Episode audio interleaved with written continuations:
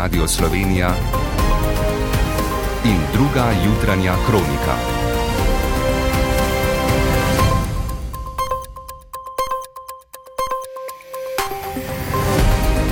Ura je sedem. Dobro jutro. Pozdravljeni. Strateški svet za zdravstvo bo na današnji ustanovni seji med drugim obravnaval analizo stanja v zdravstvu, na podlagi katere bo pripravil predlog zdravstvene reforme, ki vključuje tudi plačni stebr.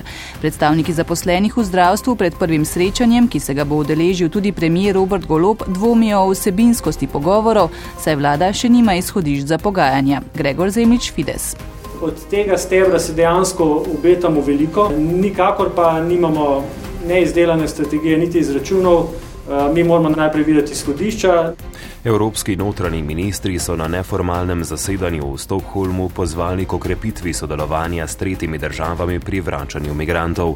Predlagajo omejitev vizumske politike za tiste države, ki ne izpolnjujejo svojih mednarodnih obveznosti pri sprejemanju svojih državljanov. Danes je svetovni dan spomina na žrtve holokausta. Spomin in opomin, da se grozote ne smejo ponoviti, prenašajo tisti, ki so preživeli. Antropologinja Irena Šumi da je bilo preživeti holokaust ena od absolutno najbolj redkih izkušenj ljudi, ki so bili žrtve holokausta. Za približno polovico šolarjev bo prihodni teden, nekoliko prej kot smo vajeni, prinesel zimske počitnice. Po pošiljki snega bo veliko priložnosti za zimske radosti. Danes in jutri na zahodu sonce, drugod po večini oblačno, sunki burje na primorskem do povdne do 100 km na uro. Z vami sva Benjamin Jeram in Ana Štraus. Pri predsedniku vlade Robertu Golobu se bo danes prvič sešel nov, v primerjavi s prejšnjim precej bolj razširjen strateški svet za zdravstvo. Ministr za zdravje Daniel Bešič Loredan je sicer predtem minuli teden javno predstavil korake za pripravo zdravstvene reforme, koalicija pa je ta teden še pisno potrdila zavezanost nakazanim usmeritvam. V omenjenem strateškem svetu bo kar 22 strokovnjakov, ki bodo pripravili strokovne usmeritve za vsebinsko in finančno prenovo zdravstva zdravstvenega sistema. Del zdravstvene reforme bo tudi oblikovanje novega plačnega stebra za zdravstvo. O prvih korakih bodo ministri in sindikati zdravstva spregovorili še danes. Več Snežena Iljaš in Katja Kotnik. Predstavniki zaposlenih v zdravstvu so pred prvim srečanjem za oblikovanje plačnega stebra precej zadržani. Dvomijo vsebinsko z današnjih pogovorov, saj vlada sploh še nima izhodišč za pogajanja. Predsednica sindikata zdravstva in socialnega varstva Irina Ilješič Čujovič in predsednica sindikata delavcev v zdravstveni negi Slavica Mencingar. Mi nimamo popolnoma nobene informacije o tem. Tudi tak odgovor vladne strani smo prejeli da torej nam ne morejo povedati nobenih podrobnosti, ker izhodišča vlade še niso potrjena. Tako da je enostavno en velik vprašaj. Vse je odprto. Mi imamo seveda cilje, ampak mi moramo najprej videti, ne, kaj nam pripravlja vlada. Ne. Na vladna izhodišča čakajo tudi v Fidesu, kjer so sicer že v zadnjem stavkovnem sporazumu izpogajali delno vsebino plačnega stebra, med drugim tudi prenos napredovanj specializantov ter dosledno upoštevanje standardov in normativov, podarja podpredsednik Fidesa Gregor Zemlič. Od tega stebra si dejansko obetamo veliko, ne samo zdravnice in zdravnike, ampak tudi dolgoročno celoten zdravstveni sistem. E, nikakor pa nimamo neizdelane strategije, niti izračunov. Eh, mi moramo najprej videti izhodišča. Kot je napovedal zdravstveni minister Daniel Bešič Loredan, bodo danes pravzaprav iskali pot, kako do 1. aprila oblikovati ločen stebr za zdravstvo, v katerem bodo naslovili tudi doslej izpuščeno skupino J. Smatramo zdravstvo kot eh, celota, tako bomo tudi pristopili in v petek bomo nakazali smer. Vsebina reforme plačnega sistema naj bi bila znana v sredo po koalicijskem vrhu, kjer naj bi sprejeli podobne zaveze kot za zdravstveno reformo. Sindikati so, kot pravijo, pripravljeni vložiti maksimalni napor za uspeh pogajanj, dvomijo pa, da jim bo uspelo do 1. aprila, kot to načrtuje vlada. Uveljavitev novega plačnega sistema je sicer predvidena s prihodnim letom. Zadnji dan januarske seje državnega zbora bodo poslanke in poslanci obravnavali novelo zakona o državnem svetu, ki, je, predlog, ki je tudi uložil predlog novele. Ta predvideva odpravo protiustavnosti, ki jo je ugotovilo ustavno sodišče. Predlog med drugim podaljšuje časovni razpon za razpis volitev v državni svet, saj imajo interesne organizacije oziroma lokalne skupnosti premalo časa za volitve predstavnikov v volilno telo in postopek določanja kandidatov. Na dnevnem redu je tudi več opozicijskih predlogov in sicer novele zakona o lokalnih volitvah, zakona o radioteleviziji Slovenija in zakona o pokojninskem in invalidskem zavarovanju ter dopolnitev zakona o vladi. Poslanci bodo opravili tudi glasovanja o zakonskih predlogih, ki so jih obravnavali včeraj.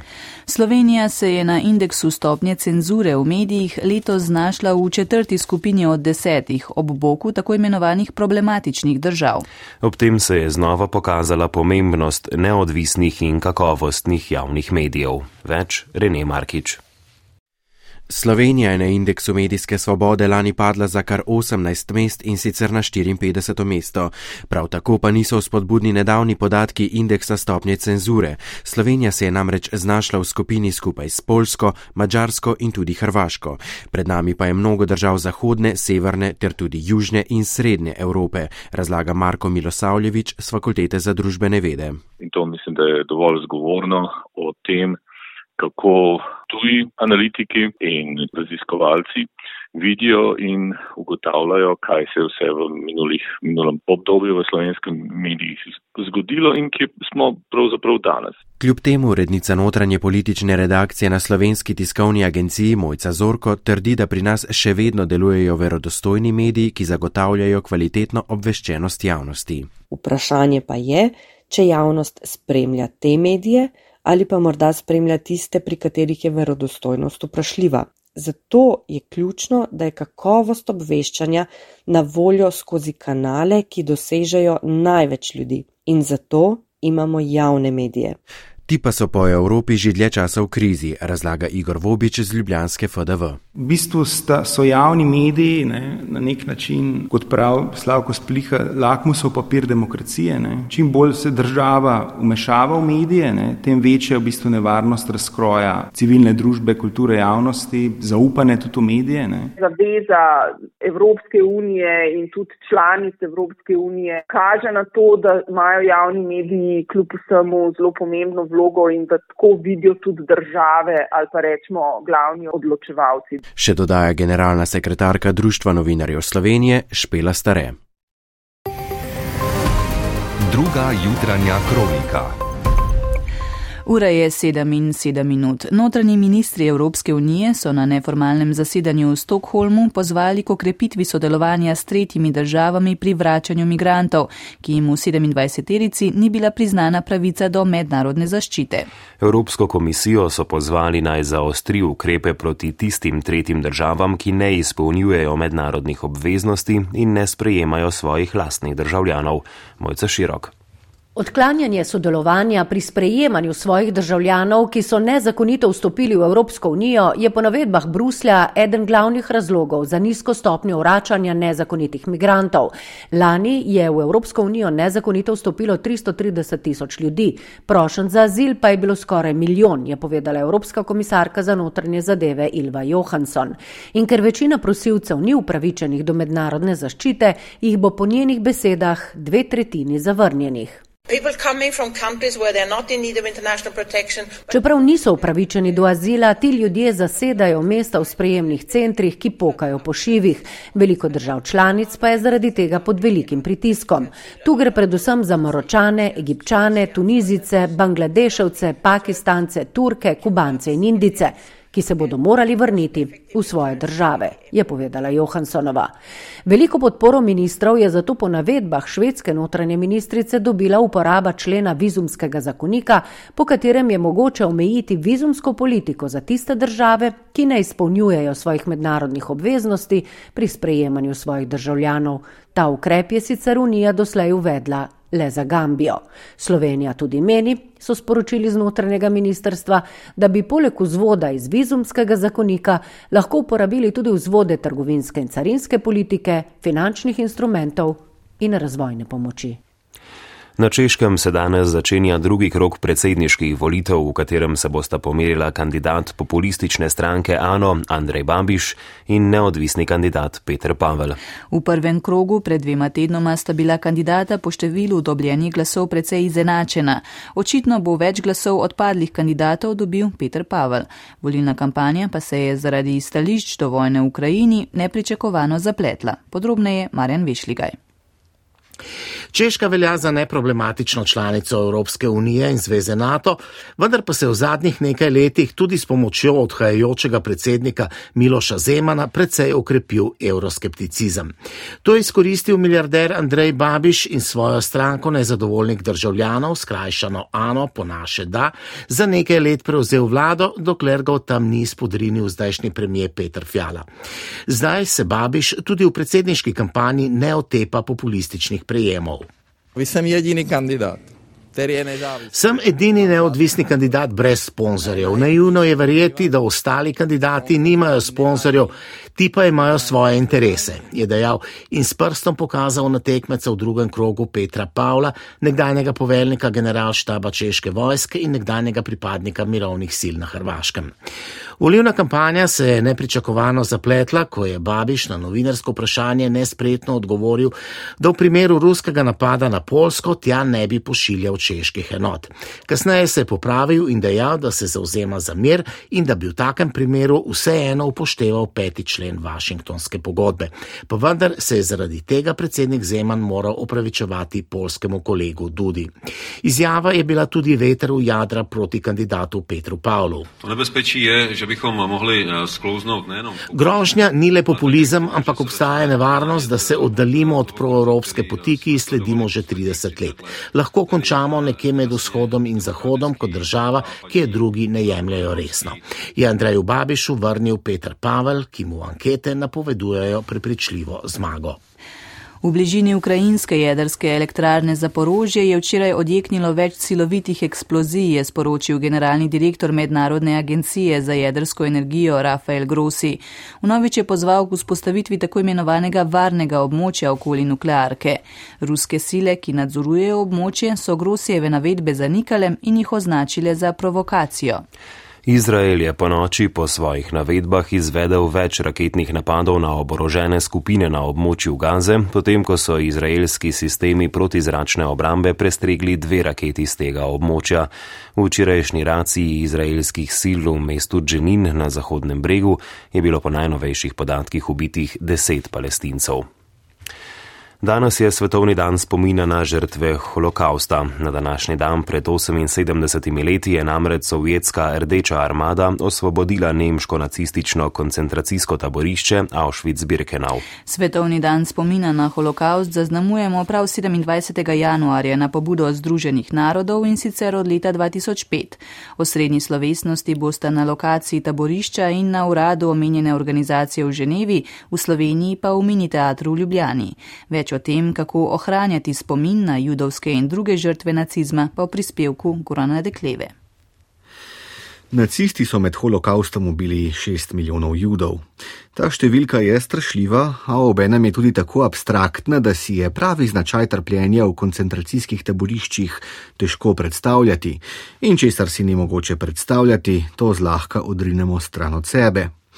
V boju zoper pozabo so zato bila po besedah antropologinje dr. Irine Šumi dolgo ključnega pomena pričevanja tistih, ki so grozote nacizma preživeli. Učenje v holokaustu je temeljilo na tej izpovedi te osebne izkušnje. Pričemer je treba povedati, da je bilo preživeti holokaust ena od absolutno najbolj redkih izkušenj ljudi, ki so bili žrtve holokausta. A kaj storiti zdaj, ko se poslavljajo še zadnji preživeli? Doktorica Irina Prosenc, ki preučuje italijanskega pisatelja Prima Levija, avtorja nemara najpomembnejšega literarnega opusa o holokaustu, meni, da si ob umankanju možnosti neposrednega srečanja s pričami lahko pomagamo z umetniškimi deli, ki so jih o svoji izkušnji po osvoboditvi ustvarili preživeli taboriščniki. Vsekakor nam to branje lahko veliko ponudi na več ravneh, že samo na ravni tega, da izvemo nekaj več o času v katerem se te zgodbe dogajajo, eh, pa tudi na ravni etičnih vrednot in tudi na slogovni ravni. Poleg Levija so tu seveda še številni drugi, od našega slikarja Zorana Mušiča do mađarskega nobelovca Imreja Kertesa. Prav ob soočenju z njihovimi umetninami se nam reč danes lahko zaporstavljamo, ne le pozabi, ampak tudi zlo. Zdaj pa še k zimskim počitnicam, ki so letos nekoliko prej, kot smo vajeni. Za približno polovico šolarjev bodo prihodnji teden, za preostale pa se bodo začele 6. februarja. Kljub premiku zimskih počitnic zaradi svetovnega prvenstva, ki bo konec februarja potekalo v planici, so pri Zvezi prijateljev mladine Maribor in različnih športnih društvih na nje že dobro pripravljeni. Po veliki pošiljki snega se otroci veselijo smučanja in drugih radosti na snegu, ne bo pa manjkalo niti drugih priložnosti za preživljanje prostega časa. Tamara Zupanič Čučnik. V Domu ustvarjalnosti mladih v Mariboru pripravljajo likovne ustvarjalne delavnice, tradicionalno delavnico izdelovanja pokov ali pležuhov. Z mladimi se bodo odpravili na drsanje, raziskovali mestna otroška igrišča in obiskali doživljajsko igrišče. Načrtujejo pa tudi sredin izlet in izlet na pohorje. Mislim, da smo zdaj v enih dobrih desetih letih že vsaj kakih 600 pležuhov naredili in tudi med temi počitnicami bo tako, bomo pa jih pa seveda tudi kar preizkusili med temi počitnicami. Pravi koordinatorka dejavnosti Tadeja Dobaj in dodaja, naj otroci v zimskih počitnicah počnejo to, kar jih veseli, poleg tega pa naj jih izkoristijo tudi za kakšna nova doživetja in znanja. Smučarske šole so polne. Tudi smučarska šola Ilke Štuhec, kjer pripravljajo smučarski tečaj od ponedeljka do petka. Kjer pač otrokom ponudimo, poskušamo ponuditi in predati čim več smučarskega znanja, je pa tudi zelo, zelo pomembno, da ljubezni do tega športa na snegu. Pravi Dora Skorobrin. Prostih mest trenutno ni več, jih je pa še nekaj na voljo za tečaje v okviru otroške športne šole Trimko, pravi vodja Grega Mirt. Nekaj par mest, če bi lahko našli tako v začetnem kot nadaljalnem tečaju, je pa kar veliko otrok prijavljenih, tako da kaj dosti prostih mest več nimamo. Otroci bodo lahko drsali v ledni dvorani ali plavali v pristanu. Tisti, ki bi se želeli naučiti česa novega, pa lahko obiščajo tudi delavnice kuharstva, strežbe in turizma na Mariborski srednji šoli za gostinstvo in turizem. Pa mislim, da ga bo tukaj zelo koristno porabili ta čas. Pa pravi ravnatelj šole Dušan Erjavec. Dopoldne se bodo na Ministrstvu za zdravstvo srečali predstavniki pogajalskih skupin in vlade ter sindikatov v zdravstvu. Vlada sicer še nima potrjenih izhodišč za pogajanja o oblikovanju ločenega zdravstvenega plačnega stebra, zato so sindikati pred sestankom precej zadržani. Popovdne se bo prvič srečal še razširjeni strateški svet za zdravstvo, v njem bo 22 strokovnjakov, ki bodo pripravili strokovne usmeritve za vsebinsko in finančno prenovo zdravstvenega sistema. Svet koordinira pre premijer Robert Golob, vodi pa ga kirurg Erik Brecel. Pred športom še dobra in slaba novica iz Severnoameriške košarkarske lige NBA. Naš zvezdnik Luka Dončić je bil še tretjič izbran v prvo petirico tekme vseh zvest. Žal pa je današnjo tekmo proti Feniksu, na kateri je Dallas zmagal z 99 proti 95, zaradi zvitega gležnja končal že po dobrih treh minutah. Besedo prepuščava kolegu iz športnega uredništva Marko Polaku. Hvala za pozornost. In nasvidenje.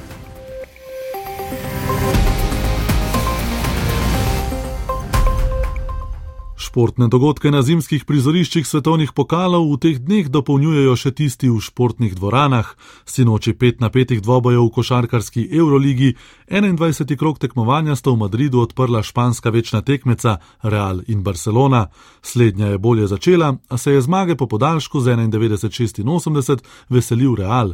Slovenskega centra Majka Tobija ni bilo v 12-terici katalonskega moštva, je pa 15 minut na igrišču preživel Klemen Prepelič in za zmago Valencia Valencia nad Berlinsko Albo, bilo je 94-88, prispeval tri točke in pet podaj.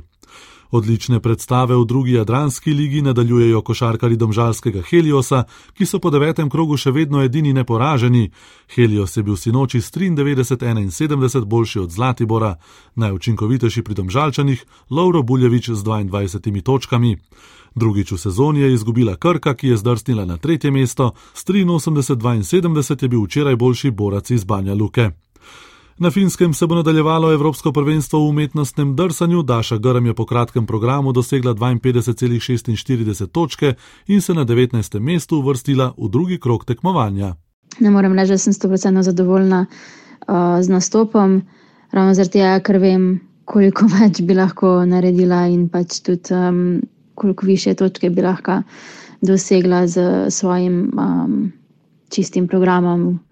Po kratkem programu je v vodstvu Gruzika Anastazija Gubanova, prosti program najboljših 24 drsalk bo jutri popovdan. Evropska prvaka med športnimi pari sta postala italijana Sara Conti in Nikolo Mači. Za smučarske tekače se bo v Franciji nadaljevala sezona svetovnega pokala, med nastopajoče se po bolezni vrača Eva Urevc, na 10 km prosto s posamičnim startom bo nastopila še Anja Mandelc, med moškimi bo slovenske barve zastopal Miha Ličev. Deskare na snegu v Kanadi pa čaka nova tekma v paralelnem veleslalomu.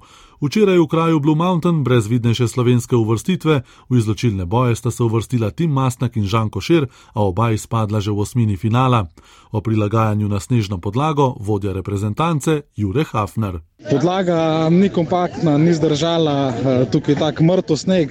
Spet se je pokazalo, da je pač ena proga eh, zelo hitrejša od druge, ampak to ne sme biti izgovor, ampak eh, v kvalifikacijah si pač treba izboriti boljše mesto. Druge ni in to je cilj.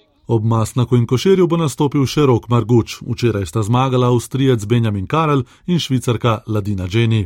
Sicer dan prinaša še polfinalni tekmi svetovnega rokometnega prvenstva Španija, Danska in Francija, Švedska. Hokejiste Olimpije z novim trenerjem Fincem Antijem Karholo čaka tekma 44. kroga razširjenega avstrijskega prvenstva, nasprotniki bodo hokejisti iz Graca. Za judoiste pa se bo na portugalskem začela sezona svetovnega pokala, za uvod bo danes od osmerice slovencev na tatamijih le David Štarkal. Poslušali ste drugo jutranjo kroniko. Urednica Barbara Cujnik, voditelja Ana Štraus in Benjamin Jeram, tonski mojster Igor Kropac.